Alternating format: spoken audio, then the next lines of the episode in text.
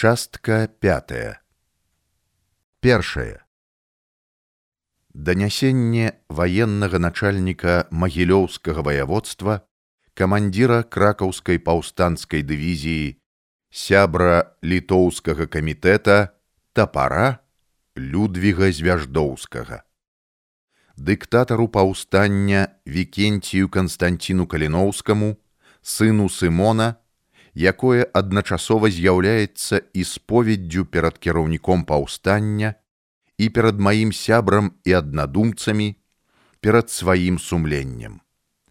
6 лютага 1863 года апатава. Любы мой і хорошы сябра на ўсе вякі Вікенцій Канстанцін. Дарагі кастусь. Прапораты ў грудзіну не штыхам царскага грэнадзёра, а сваімі ж, каго падымаў на паўстанне сялянамі, якія рушылі не на царскія войскі з сякерамі і тапарамі, а атрымаўшы трыццаць срэбранікаў ад цара, памазаніка Божага, выступілі супраць нас, нікога не шкадуючы, не маючы ў душы ніякай літасці. Жах і ў жудасных снах сваіх такога не мог прысніць. Дарагі дружа, дарагі мой дыктатар, дарагі сябар, самы адданы і непахісны, узышоўшы на эшафот з горда паднятай галавой. Паспавядацца перад табой хачу, павінаваціцца за тое, што думы пра будучае нашага роднага краю былі памылковыя, двурушныя то, дзякуючы табе з маіх вачэй спала палярушанай туман, і я зноўку нарадзіўся на свет, але ўжо ў другой якасці, у другім абліччы, з іншай душой і сэрцам. Спяшаюся данесці да слыху душы тваёй, твайго сэрца, пакуль яно яшчэ б'ецца ў маіх грудях, пакуль яшчэ не выцекла з мяне сіла, сцякаю крывёю, і ніхто мне не аказвае ніякай дапамогі, бо хочуць як найхутчэй пазбавіцца ад мяне.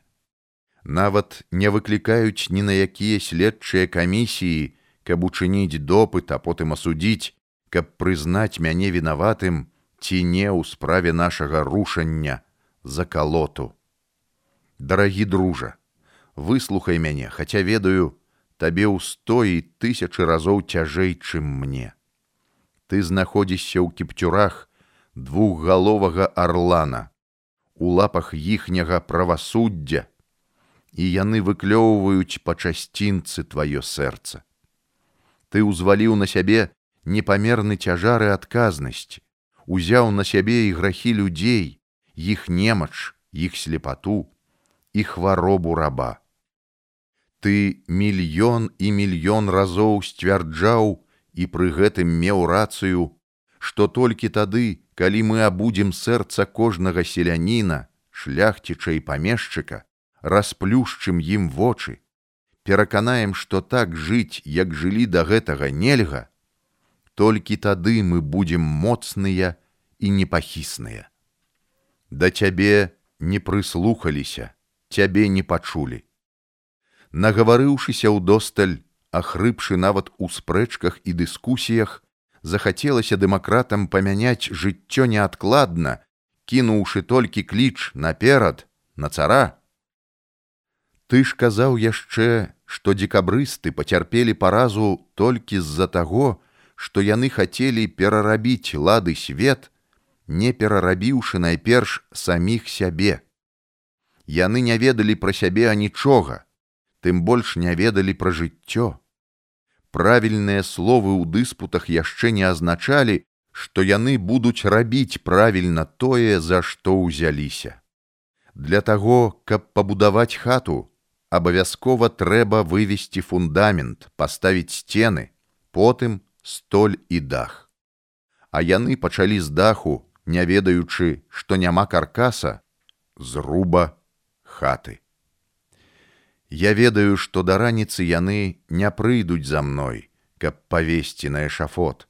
Таму пастараюся, пакуль не наступіў золак, пагаварыць з табой, паспавядацца, расказаць пра сябе.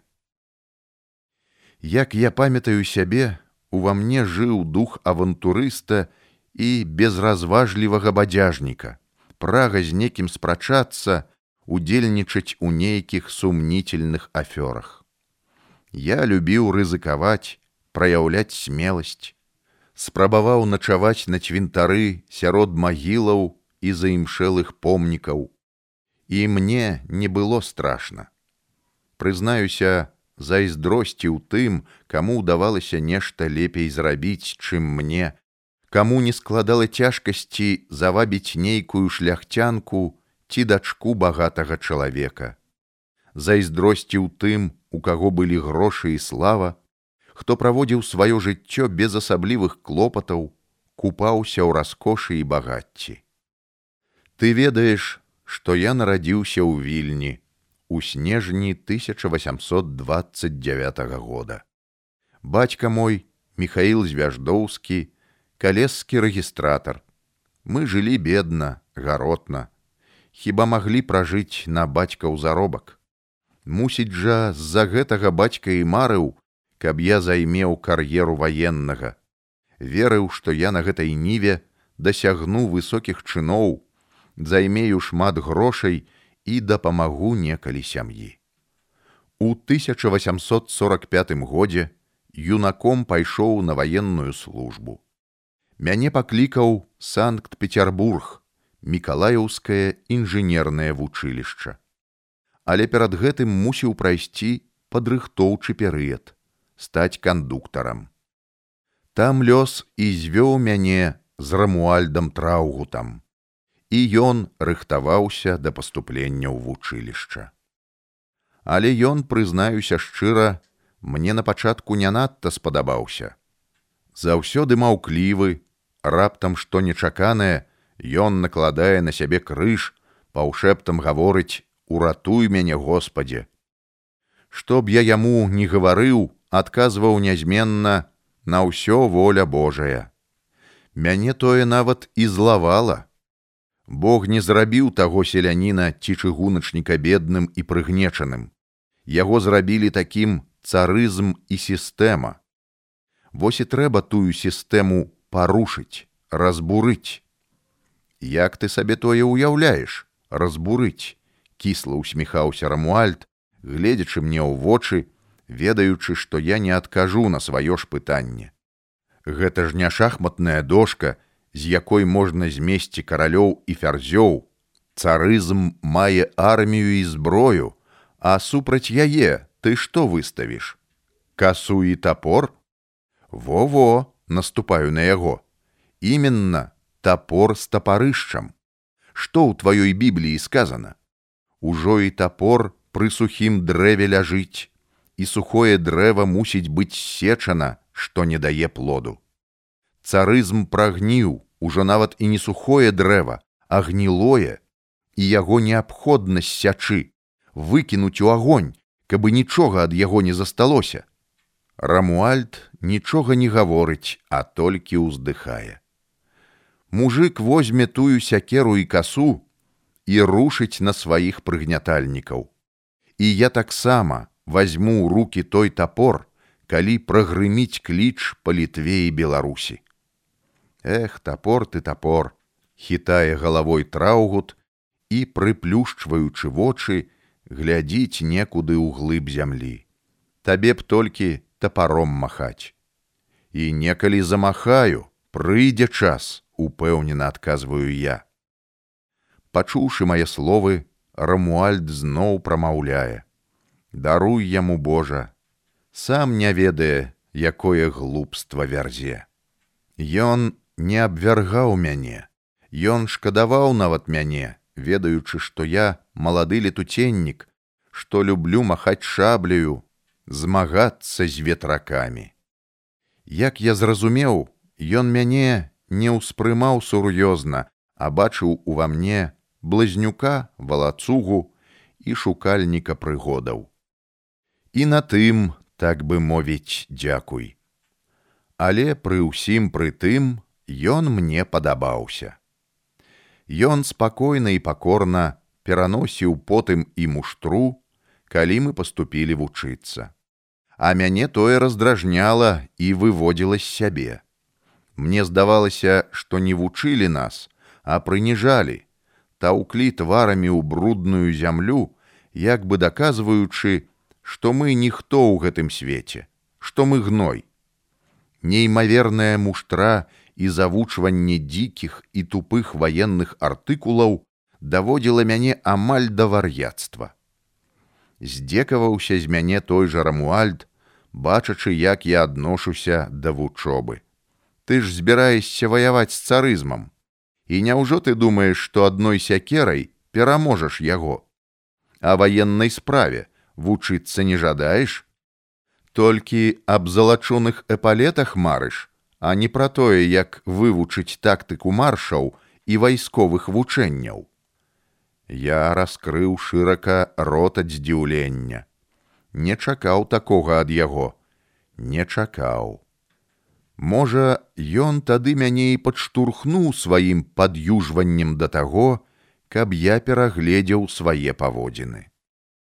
Мы ўжо разам упрагаліся ў хамут падпарадкавання і спасціжэння тайнаў тактыкі бою, наступлення і адступлення. Як не дзіўна, але тое мне вельмі спатрэбілася падчас нашага змагання. Праз пяць гадоў атрымаў званне прапаршчыка. Быў пераведзены ў верхні афіцэрскі клас вучылішча. А праз два гады скончыў вучобу. Мяне, маладога афіцэра, адправілі на службу ў берасцейскую крэпасць. Праслужыў у ёй два гады. Спытаеш, што гэта быў за час для мяне. Змрочныя казематы крэпасці турмы. Штодзённыя п'янкі афіцэраў, гульня ў карты, фанаберыя, у каго больш цячэ блакітнай крыві. А яшчэ самадурства тупых камандзіраў. На чым трымалася армія расійскага цара? Так, так, ты ведаеш тое гібкі і свежы шпіц рутен.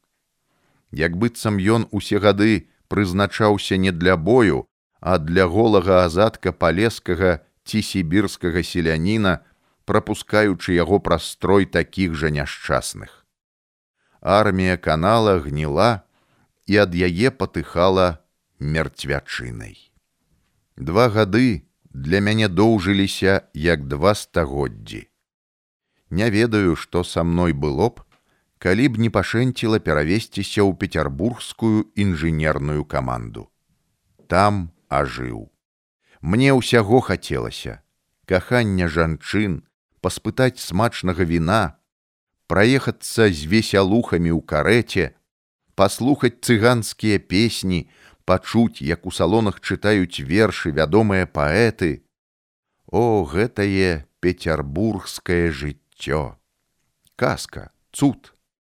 А ў 1854 годзе, не даўшы як след нацешыцца горадам на няве і жаночым асяродкам, мяне кідаюць на крымскую вайну, у рэвель. Што мне даў гэты перыяд?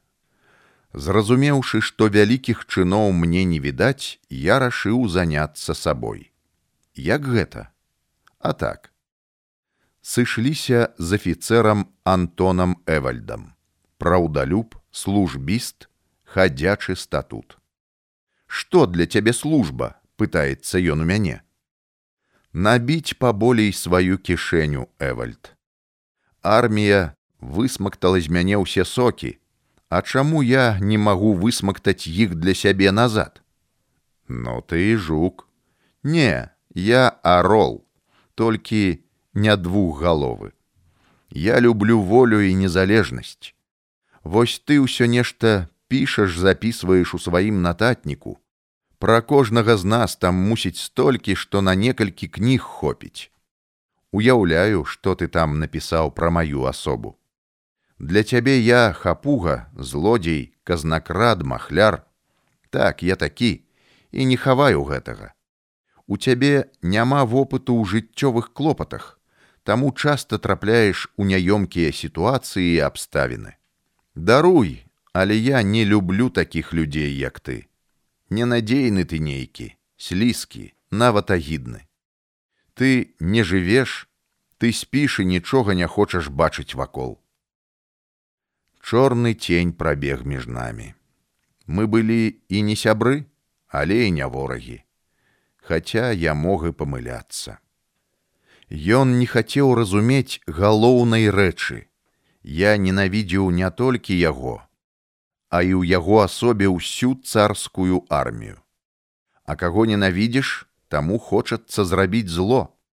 Стараўся зрабіць зло расійскай арміі. Усяляк стараўся. Як? Займаўся пастаўкамі амуніцыі ці правіянтам. Дык навошта мне ўсё гэта аддаваць у руки ненавіснікаў. Ноччу под покрывам цемры добрая частка грузілася і адпраўлялася па тым адрасе, дзе за гэта давалі добрыя чырвонцы. Ты назавеш крадзяжом? Не смейся, але я такім чынам змагаўся з царызмам разгойдваў яго стаўпы апоры. У гэтым я нават атрымліваў маральнае задавальненне. Верным паслугачом царызму я не мог быць з тае прычыны, што ненавідзеў яго, маючы ў душы патрыятычныя настроі і пачуцці. Ты пытаешся ў мяне, як на гэта глядзела маё начальства, а яно і не глядзела, таму і не бачыла я ім уяўляўся зусім іншым, балаболам і весельчаком, афіцэрам, у якога ў кішэні заўсёды былі лішнія чырвонцы. Адкуль яны былі ў мяне, не цікавіліся, а я гаварыў, што ў мяне багатыя бацькі. Так, прызнаюся, колькі разоў я дасылаў сваім бацькам грошы, чым вельмі здзівіў і абрадаваў іх. Начальства мяне любіла, я быў у іх на добрым рахунку. Не заўсёды яны вярталі пазычанае, таму і стараліся аддзячыць іншым. Зрабілі паперы і адаслалі імператару мікалаю першаму, у якіх хвалілі мяне, узносілі да нябёсаў, якія выдатны і спраўны афіцэр. Прасілі заахвоціць мяне царскай міласцю. І што ж? Мне было аб'яўлена, высочайшее благоволение імператора і ў давесак да гэтага мяне ўзнагародзілі ордэнам святого станіслава Вось яно як браце ты мой здараецца і так о калі расказваць мне пра свае прыгоды ў рэвелі то тысячы і адной ночы не хопіць а ў мяне ўсяго одна ноч ды і то вунь пачынае згасаць венера на небасхіле то моя дружа зорка, яна мне заўсёды памагала ў маіх справах. Стаміўся я вельмі. Можна, я трошкі помаўчу, сіл набяруся. Хоць колькі хвілінак драману. Ордэн святого Станіслава адыграў добрую ролю ў маім жыцці. Мяне неўзабаве пасля двух гадоў службы падчас вайны пераводзяць і залічваюць у штат генеральнага штаба. Я стаў слухачом акадэміі генштаба. Бацька, даведаўшыся пра тое, ледзьве розумам не паехаў ад шчасця. Ён столькі гадоў марыў пра маю кар'еру. Усе шляхі дарогі вялі, дарагі мой кастусь, да цябе нам самім Богам было наканавана сустрэцца і пасябраваць. Ці не так? Вучоба ў акадэміі генеральнага штаба выдатны перыяд майго жыцця, насычаны, цікавы. Гэта там я займеў выдатных сяброў, будучых правадыроў паўстання, Зыгмунта Серакоўскага, Ярослава Дамброўскага, Михаіла Гейденрыха, харужага Яна козел паплоўскага, рускага рэвалюцыянера-дэмакрата Уладзіміра Обручава. Мы былі апантаныя і жыццярадасныя. Але мы толькі гаварылі, спрачаліся, крытыкавалі, але ніхто з нас не прапаноўваў нічога канкрэтнага па пераўладкаванні жыцця. Пра рэвалюцыю мы яшчэ ў сур'ёз не гаварылі, толькі ўздыхалі па ёй, як закаханыя юнакі па сваёй абранніцы. У нашых галовах была каша, вінегрэт.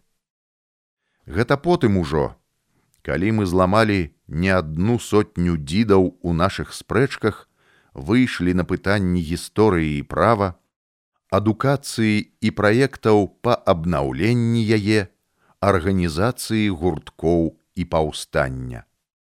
Наш гурток разросся да такіх памераў, што нам ужо было цесна ў яго межах. Папаўняўся не толькі ваеннымі з пецярбургскага гарнізона, але і за кошт студэнтаў, юнакоў, якія не мелі пастаяннага занятку, але праглі дзейнасці. Нас ужо было каля сарака.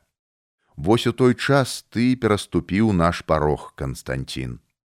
З першай сустрэчы, калі я ўбачыў цябе, пазнаёміўся, паглядзеў у твае вочы, сказаў пра цябе: непахісны. У спрэчках загартоўваліся будучыя правадыры паўстання: меладоўскі, падлеўскі, юндзіл, гейденрых, станевіч, агрыска, кяневіч з прыходам братоў каліноўскіх у гурток мы пачалі распрацоўваць планы будучага паўстання. Гурток ператварыўся ў ваенны камітэт, які ўзначаліў Ярослаў Дамброўскі. Ужо на той час бурліла рэвалюцыйнае жыццё. Маніфестацыі ў Польшчы, сялянскія хваляванні ў рассіі і адначасова з імі і на нашых прасторах. Тады нечакана для мяне я быў уключаны ў кіруючы камітэт. І разам са мной у яго ўвайшлі Михаил Гейденрых, Фердынанд Двароўскі і Андрэй Пацябня. Вось з таго часу мы і пачалі ствараць рэвалюцыйныя арганізацыі сярод рускіх афіцэраў. У тую студзеньскую марозную ноч нехта гучна загрукаў у дзверы. На парозе стаяў увесь заінелы і заснежаны Ян козел паклеўскі. Шырока раскінуўшы руки, ён абняў мяне, прыціснуў да сябе, выгукнуў: Людвіг, пачалося. Што пачалося? Перапытаў у яго, нічога не разумеючы. Паўстанне пачалося. Ён распрануўся, павесіў адзенне на вешалку, і мы прайшлі ў залу. Ён быў узбуджаны, чакаў, што я адкажу на яго паведамленне, чакаў маёй рэакцыі. Мяне ж яго словы не абрадвалі, выклікалі абурэнне і крыўду. І першыя стрэлы крыўды паляцелі ў твой кастусь бок. Мы ж пра ўсё дамовіліся, вырашылі цвёрда, што закалот пачнецца толькі тады, калі ўсё будзе падрыхтавана, узважана да драбніц, і толькі пры агульным галасаванні сяброў паўстанцкага камітэта даем згоду на пачатак паўстання. Нічога такога не адбылося. Без мяне мяне жанілі. Што скажаш, Людвіг, ты бярэш у гэтым удзел? Я падышоў да абразоў, паглядзеў на багародзіцу з сынам з болем у душы папытаўся Божа літасцівы Чаму мы калі распачынаем рабіць вялікую справу такія разрозненыя глухія адзін да аднаго і нам заўсёды не хапае галоўнага? Аб'яднацца ў магутны кулак каб перамагчы ненавісніка Чаму Божа Няўжо ты ў гэты час адбіраеш ад нас розум адышоўшы ад абразоў, падышоў да канапы, на якой сядзеў мой сябар. Мне нічога не застаецца рабіць, як далучыцца да паўстання, прыйшлося вымавіць мне. Выдатна, малайчына. Таварышы з камітэта перадалі табе намінацыю на ваеннага начальніка магілёўскага ваяводства. Нават так. Каліноўскі пра гэта ведае, ведае. Я забыўся, што мой сябар з марозу з дарогі стала сорамна, што сустрэў яго не так, як трэба сустракаць госця. Збіў ён мяне з панталыку сваім з'яўленнем, як абухам па галаве агрэў. Апамятаўшыся, схадзіў да паліцы, узяў пляшку з наліўкай, разліў у два фужэры. Дзынкнулі брыжыкамі і выпілі за поспех паўстання. Потым напаіў яго гарачай гарбатай і паклаў спаць на канапу. Сябар праз некалькі хвілін засоб, праваліўшыся ў сон, а да мяне доўга не ішоў сон. Так і праляжаў, не злучыўшы павекі да самага золаку. Трывожныя і гнятлівыя думкі не пакідалі мяне. Мне вельмі хацелася сустрэцца з табой, удакладніць шмат якіх пытанняў, але цябе цяжка было адшукаць. Ты насіўся тады, як апантаны.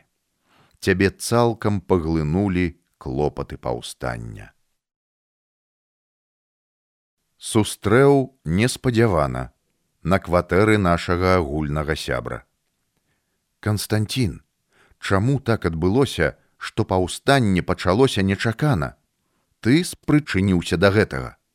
Скажы праўду, мне тое важна. Не, Людвіг, не я. Я да апошняга змагаўся, каб адмянілі сваё рашэнне, даказваў, што рана тое рабіць але мяне не паслухалі больш таго хацелі арыштаваць і аддаць пад рэвалюцыйны суд хто хацеў цябе арыштаваць дарагі кастусь дык выходзіць што і не ты прызначыў мяне ваенным начальнікам магілёўскага ваяводства. Твой уздых сведчыў пра вялікі ўнутраны боль. Ты яго не паказваў але я вельмі добра ведаў твой характар. Ведаю, Людвіг, што ты незадаволены і нават абураны, што табе выдалі такую намінацыю. Я казаў пра тое зыгмунду, але ён мяне і слухаць не захацеў. Сказаў, што раз ты руплівы абаронца самастойнасці літвы, то табе і карты ў руки, будзеш за яе змагацца народнай зямлі. Хаця ж мне думаецца, што серакоўскі, стаўшы ваенным начальнікам паўстання, зыходзіў з іншых, больш важкіх меркаванняў. Ты, меўшы вялікі прафесійны досвед, як ніхто іншы падыходзіў для гэтай ролі. Зыгмунду склаў на цябе самую важную і важкую працу. А ты? Ты як далучаны да паўстання. Ты ўздыхнуў і я зразумеў, што мы загнаныя з табою клетку, з якой няма ніводнага выхаду. Клетка без дзвярэй. Без нас ажанілі, ажанілі з нявестай паўстання, нават не пытаючыся ў яе згоды, не дабіваючыся ўзаемнасці. Мы жаніхі лёсу. Нашае маўчанне зацягнулася, і я рашыўся парушыць яго, нават і для таго, каб адарваць цябе ад гнятлівых думак. Папытаўся: Вікенцій Канстантин, што меў на мэце серакоўскі, выдаючы мне намінацыю на магілёўшчыну. У яго выспеў свой план, рызыкоўны і амбітны.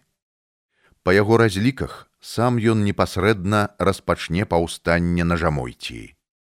Ён разлічвае сфармаваць пяцітысячны корпус, потым рушыць на вільню, каб падняць на барацьбу ўсю літву.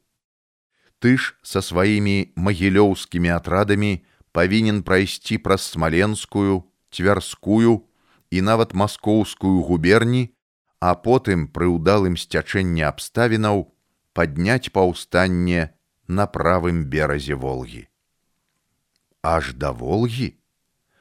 Так гэта я ў агульных рысах а падрабязна ён табе сам раскажа кяневічу адводзіцца роля дапамагчы табе аднавіць пугачоўшчыну на левым беразе ракі план я табе скажу грандыёзны смелы хаця ж і рызыкоўны. Ён спадзяецца на твой вайсковы вопыт, на талент камандзіра паўстанцаў. Ты як адносішся да такога плана? Ты паглядзеў тады на мяне са шчырай усмешкай, даверліва і цёпла. Што ж я мог адказаць табе? Выказаць сумненне ў розуме серакоўскага. Позна, позна. Пры ўсіх хістаннях вымавіў я шчыра веру серакоўскаму. Хаця Наполеон Іваніцкі выказаў недавер казанскім рэвалюцыянерам, называў іх баязліўцамі і балбутунамі, разлічваю на іх. Галоўнае развязаць бойку, напаткаць на пачатку першую перамогу, а потым міжволі падключацца і іншыя. Ці не так, Вікенцій Канстантин. Ты, помніцца, толькі кіўнуў галавой, думаючы пра нешта сваё. Глядзеў, здаецца, далей, і глыбей мусіць бачыў, бачыў. Я яшчэ перад гэтым наведаў магілёўскую губерню.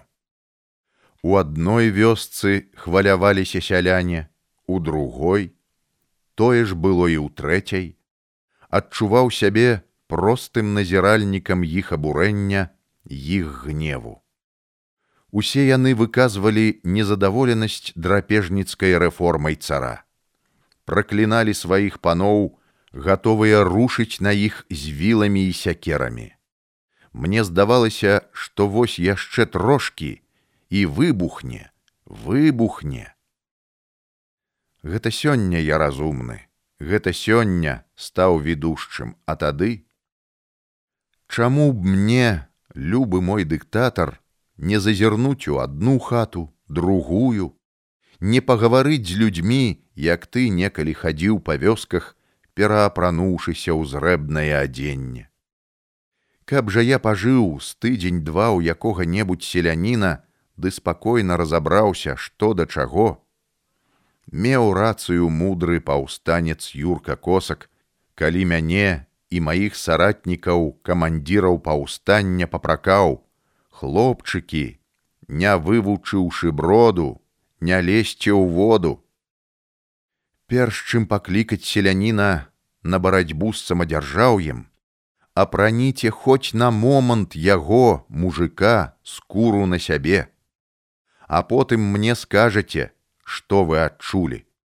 Вы ж забыліся пазнаёміцца з тымі, каго хочаце весці ў бой. Ці не думалі вы пра тое, што яны могуць павярнуць зброю пры першых паразах супраць вас саміх. Вы не думалі пра такое? Падумайце. Мы не ўлічылі на самым пачатку такія акалічнасці. Ёсць сяляне праваслаўныя і ёсць каталікі, альбо уніяты. Спытаемся ў саміх сябе, ці магло праваслаўнае сялянства пайсці змагацца за інтарэсы Польшчы разам з каталіцкай шляхтай. Безумоўна ж не, бо яны яе лічылі апалячанай і таму ненавідзелі. Нездарма магілёўскі губернатар беклямішаў паведамляў цару, што нянавісць селяніна да памешчыка нават мацнейшая, чым у вялікарусіі. А тут атрымлівалася так, што тыя ж памешчыкі, паны, павінны весці ў бой тых сялянаў. Выкладу табе карту ўдзельнікаў той жа магілёўскай арганізацыі. Што за людзі былі ў ёй?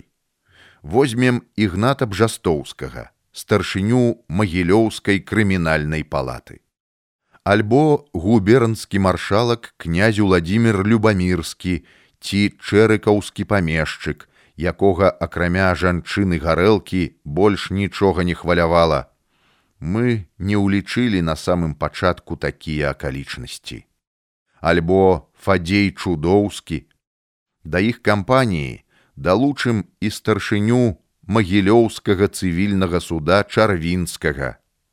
Ну і ганьба наша пракол наш. Здраднік студэнт кіеўскага універсітэта Віктор парфіянович асоба бязвольная, фанаберыстая, але баязлівец страшэнны. Гэта з-за яго ты апынуўся за кратамі. Даруй за напамін, але так яно і ёсць. Калі ў асобных людзей магілёўскай групы я спытаў, ці маюць яны цвёрдую падтрымку ад сялянаў, пачуў нечаканае ад шляхціча арліцкага. Апусціся на зямлю. Народ магілёўшчыны і віцебшчыны, на жаль, супраць нас. Памешчык свянціцкі не так даўно катаваў на стайні селяніна. Хіба ў таго селяніна не засталася крыўда на свайго крыўдзіцеля. А ці не вельмі мінорна і скажона гучаць твае словы, шляхці царліцкі, задаў наступнае пытанне Михала Скерка. Скажона, нахмурыўся шляхціц. Калі гаварыць пра нас, то мы тут жменька, да і тая напалову маладушныя людзішкі альбо тыя энтузіясты, хто хутка загараюцца, ды яшчэ хутчэй затухаюць. Скажы мне, Михал, супраць нас цар выставіць усяго адну роту рэгулярных войскаў з Петербурга ці батальён, скажы. А мы не выстаем перад націскам усяго адной роты. Мы запусцілі паром на другі бераг Нёмана, ды забыліся ўзяць пасажыраў. Вось што мне напамінае пачатак паўстання. Ну і што з таго, калі мы пакладзем галовы на поле бітвы, гарачыўся Михаил.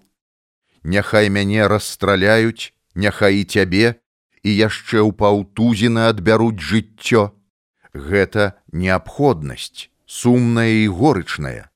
Гэта як нейкі парог у заўтрашні дзень, маснічыны вялікага гістарычнага моста, па якім да перамогі пойдуць наступныя пакаленні. Не пераможам мы, перамогуць яны. Гатовы падпісацца пад кожным яго словам, нават крывёю. Мне стала зразумелым, хаця і не адразу, што каталіцкая шляхта нашага краю не вызначалася адзінствам з-за таго, што адны лічылі сябе палякамі, а іншыя беларусамі. Таму і погляды на паўстанне былі супрацьлеглымі. Як можна памешчыкаў уключыць у паўстанне? Ім жа так добра жылося пад апекай цара бацюхны. Дапускаю, што сярод іх саслоўя былі шчырыя рэвалюцыянеры, якія жадалі зрынуць стаўпы царскага самадзяржаўя, а для гэтага актыўна ўключыліся ў змаганне, але і я зрабіў для сябе горкую выснову. Я магу спадзявацца толькі на невялікі атрад з патрыятычна настроенай каталіцкай шляхты, ды яшчэ рамантычных юнакоў, у якіх, на жаль, гарачыя сэрцы, але не цвярозы розум. Я вымушаны быў абвясціць загад, які напісаў у горках, і звернуты ён быў да начальніка аршанскага камітэта каткова ігната будзіловіча. У ім было патрабаванне сабраць неадкладна ўсіх людзей, якія здольныя былі спрычыніцца да закалота. Будуць аказваць супраціў памешчыкі, павесіць некалькі чалавек, асабліва тых, хто найбольш жорстка прыгнятаў сялян. Гэта памагло б заахвоціць тых, хто яшчэ сумняваўся, не верыў, што паўстанне справа сур'ёзная і жорсткая. Далей у загадзе абвяшчаўся пераходу смаленскую губерню. Патрабавалася калёным жалезам вытравіць усё, што насіла на сабе хаця б слабы цень польскага паходжання злучыцца з атрадам жукоўскага касы. Апроч гэтага прадугледжвалася спаленне мной польскіх рэвалюцыйных маніфестаў, а сялянам трэба было аб'явіць, каб перасталі адбываць паншчыну. Пра гэта абвясціў і найвышэйшы маніфест ад 30 сакавіка. Пасля гэтага вітанні і пашана ўсім атрадам каля горак праваслаўнаму святару, які актыўны свой удзел у паўстанні падмацаваў Божым дабраслаўленнем. Прызнацца, я не задумваўся аб небяспецы. Змагацца, дык трэба мець смеласці адчайнасць, а калі ўжо рызыкаваць, дык не задумвацца над вынікамі. На пачатку красавіка да мяне ў Петербург, там праводзіў я свой адпачынак. Прыехалі Міткевіч і Аскерка. Прапанавалі мне пасаду ваеннага начальніка магілёўскага ваяводства. Ды я ўжо атрымаў намінацыю. Смяюся я, гледзячы на іх, злуючыся, што няма зладжанасці ў іх дзеяннях.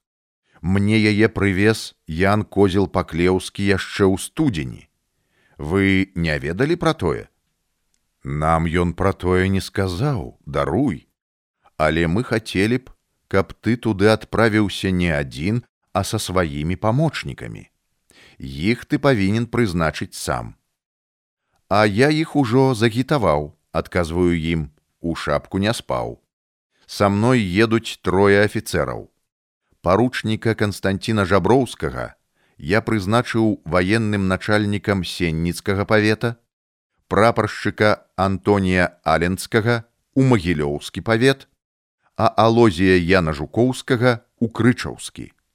Хлопцы надзейныя і адчайныя.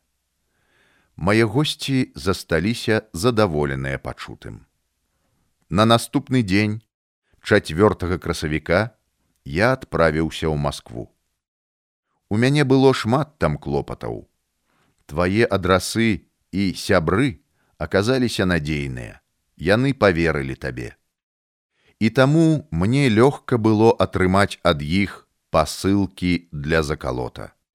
Што кольвічы з грошай у мяне было прыхавана для гэтай справы ды яшчэ мне вярнулі даўгі з таго часу, як мне даручылі даставіць абоз са зброяй і амуніцыяй для дзеючай арміі.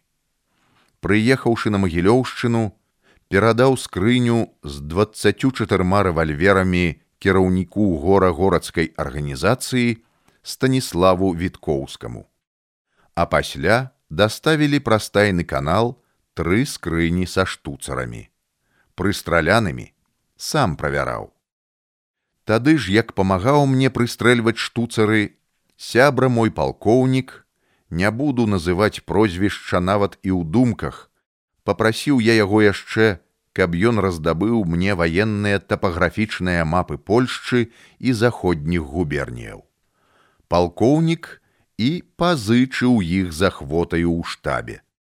Ды прыхапіў яшчэ падрабязныя звесткі чарцяжы, варшаўскай цытадэлі, крэпасцяў у модліне, дембіне і брест-літоўску. Гэта мне каштавала пару чырвонцаў, якія старшы афіцэр прыняў з вялікай ахвотаю і радасцю. Пазней я тыя дакументы перадаў нацыянальнаму ўраду, а далей яны былі перададзеныя французскаму ўраду. Абоз са зброяй даставіў не на армейскі склад, а на склад паўстанцаў. Ваеннае начальства спахапілася, але было позна. 18 траўня мяне звольнілі са службы.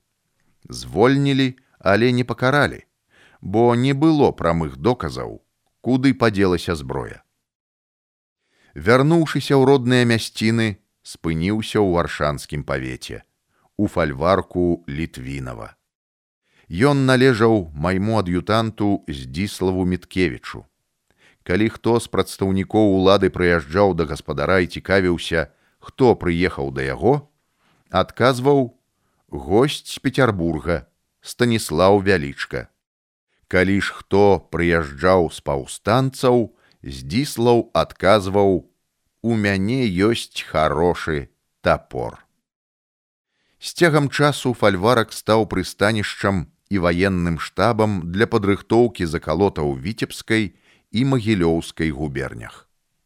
Да нас з розных куткоў прыязджалі з ружжамі паляўнічыя і мы наладжвалі паляванні. Паляўнічыя камандзіры паўстанцаў касінеры. Да глыбокай ночы мы балявалі п'ючы піва і квас, а то і наліўку, ішла самая сур'ёзная распрацоўка дэталёвага плана нашых дзеянняў. У выніку чаго мы прыйшлі да ўзаемазгоды, што ў варшанскім павеце будзе дзейнічаць атрад паручніка ігната будзіловіча. Мы яму вызначылі псеўданімы піхевіч і каткоў. Атрад Яна жукоўскага выправіцца ў крычаўскі павет, Ільдэфанс анцыпы у быхаўскі. У рагачоўскі павет выпала дарога Томашу Грыневічу і станіславу дзяржаноўскаму. Ну, а Антоній Аленскі у Магілёўскі, а Канстантин Жаброўскі адпраўляецца ў Сенненскі. Вось і ўсё размеркаванне. Ніякіх пярэчанняў не было. Мая душа поўнілася гордасцю і радасцю, што мы пачуваліся адным цэлым, баявым і смелым корпусам. У сярэдзіне красавіка мы ўсё ўзгаднілі і тысячу разоў пераправерылі. Кожны камандзір ведаў свае заданні да драбніц і дакладна адказваў на пытанні. На развітанне я выдаў усім дыспазіцыю. У ёй вызначалася тактыка нашага закалота. Першае. Характар нашых сумесных дзеянняў павінен быць партызанскі, за выключэннем тых пунктаў, у якіх будуць згрупаваныя значныя сілы. Другое. Атрад павінен быць рухомым, нідзе болей, чым суткі не затрымлівацца. Трэцяе. Сваімі дзеяннямі мы павінны непакоіць непрыяцеля, раптоўна нападаць на больш слабага, але адступаць перад мацнейшым, каб не панесці вялікіх стратаў. Яшчэ прадпісвалася рабіць засады, весці разведку, нападаць на транспарт, пошту, дыліжанцы, захопліваць грошы рускага ўрада перапіску, зрываць тэлеграфы, бурыць масты і нішчыць рускія запасы, калі не ўдаецца даставіць у паўстанскі лагер. Разганяць цывільную адміністрацыю, паліць усе дакументы і справы канцылярый судоў, земскага, павятовага і іншых там, дзе дазволяць сілы і абставіны, браць павятовыя гарады, разганяць адміністрацыю і установы і устанаўліваць свае. У вёсках і мястэчках чытаць і вывешваць нацыянальныя маніфесты і заклікаць люд да жорсткай барацьбы.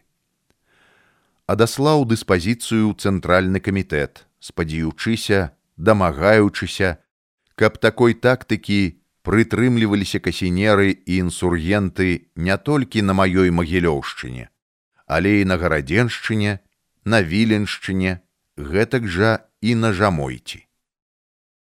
План паходу на рассію не адпадаў. Упэўнены быў, што там мы здолеем падняць расійскага мужика на паўстанне.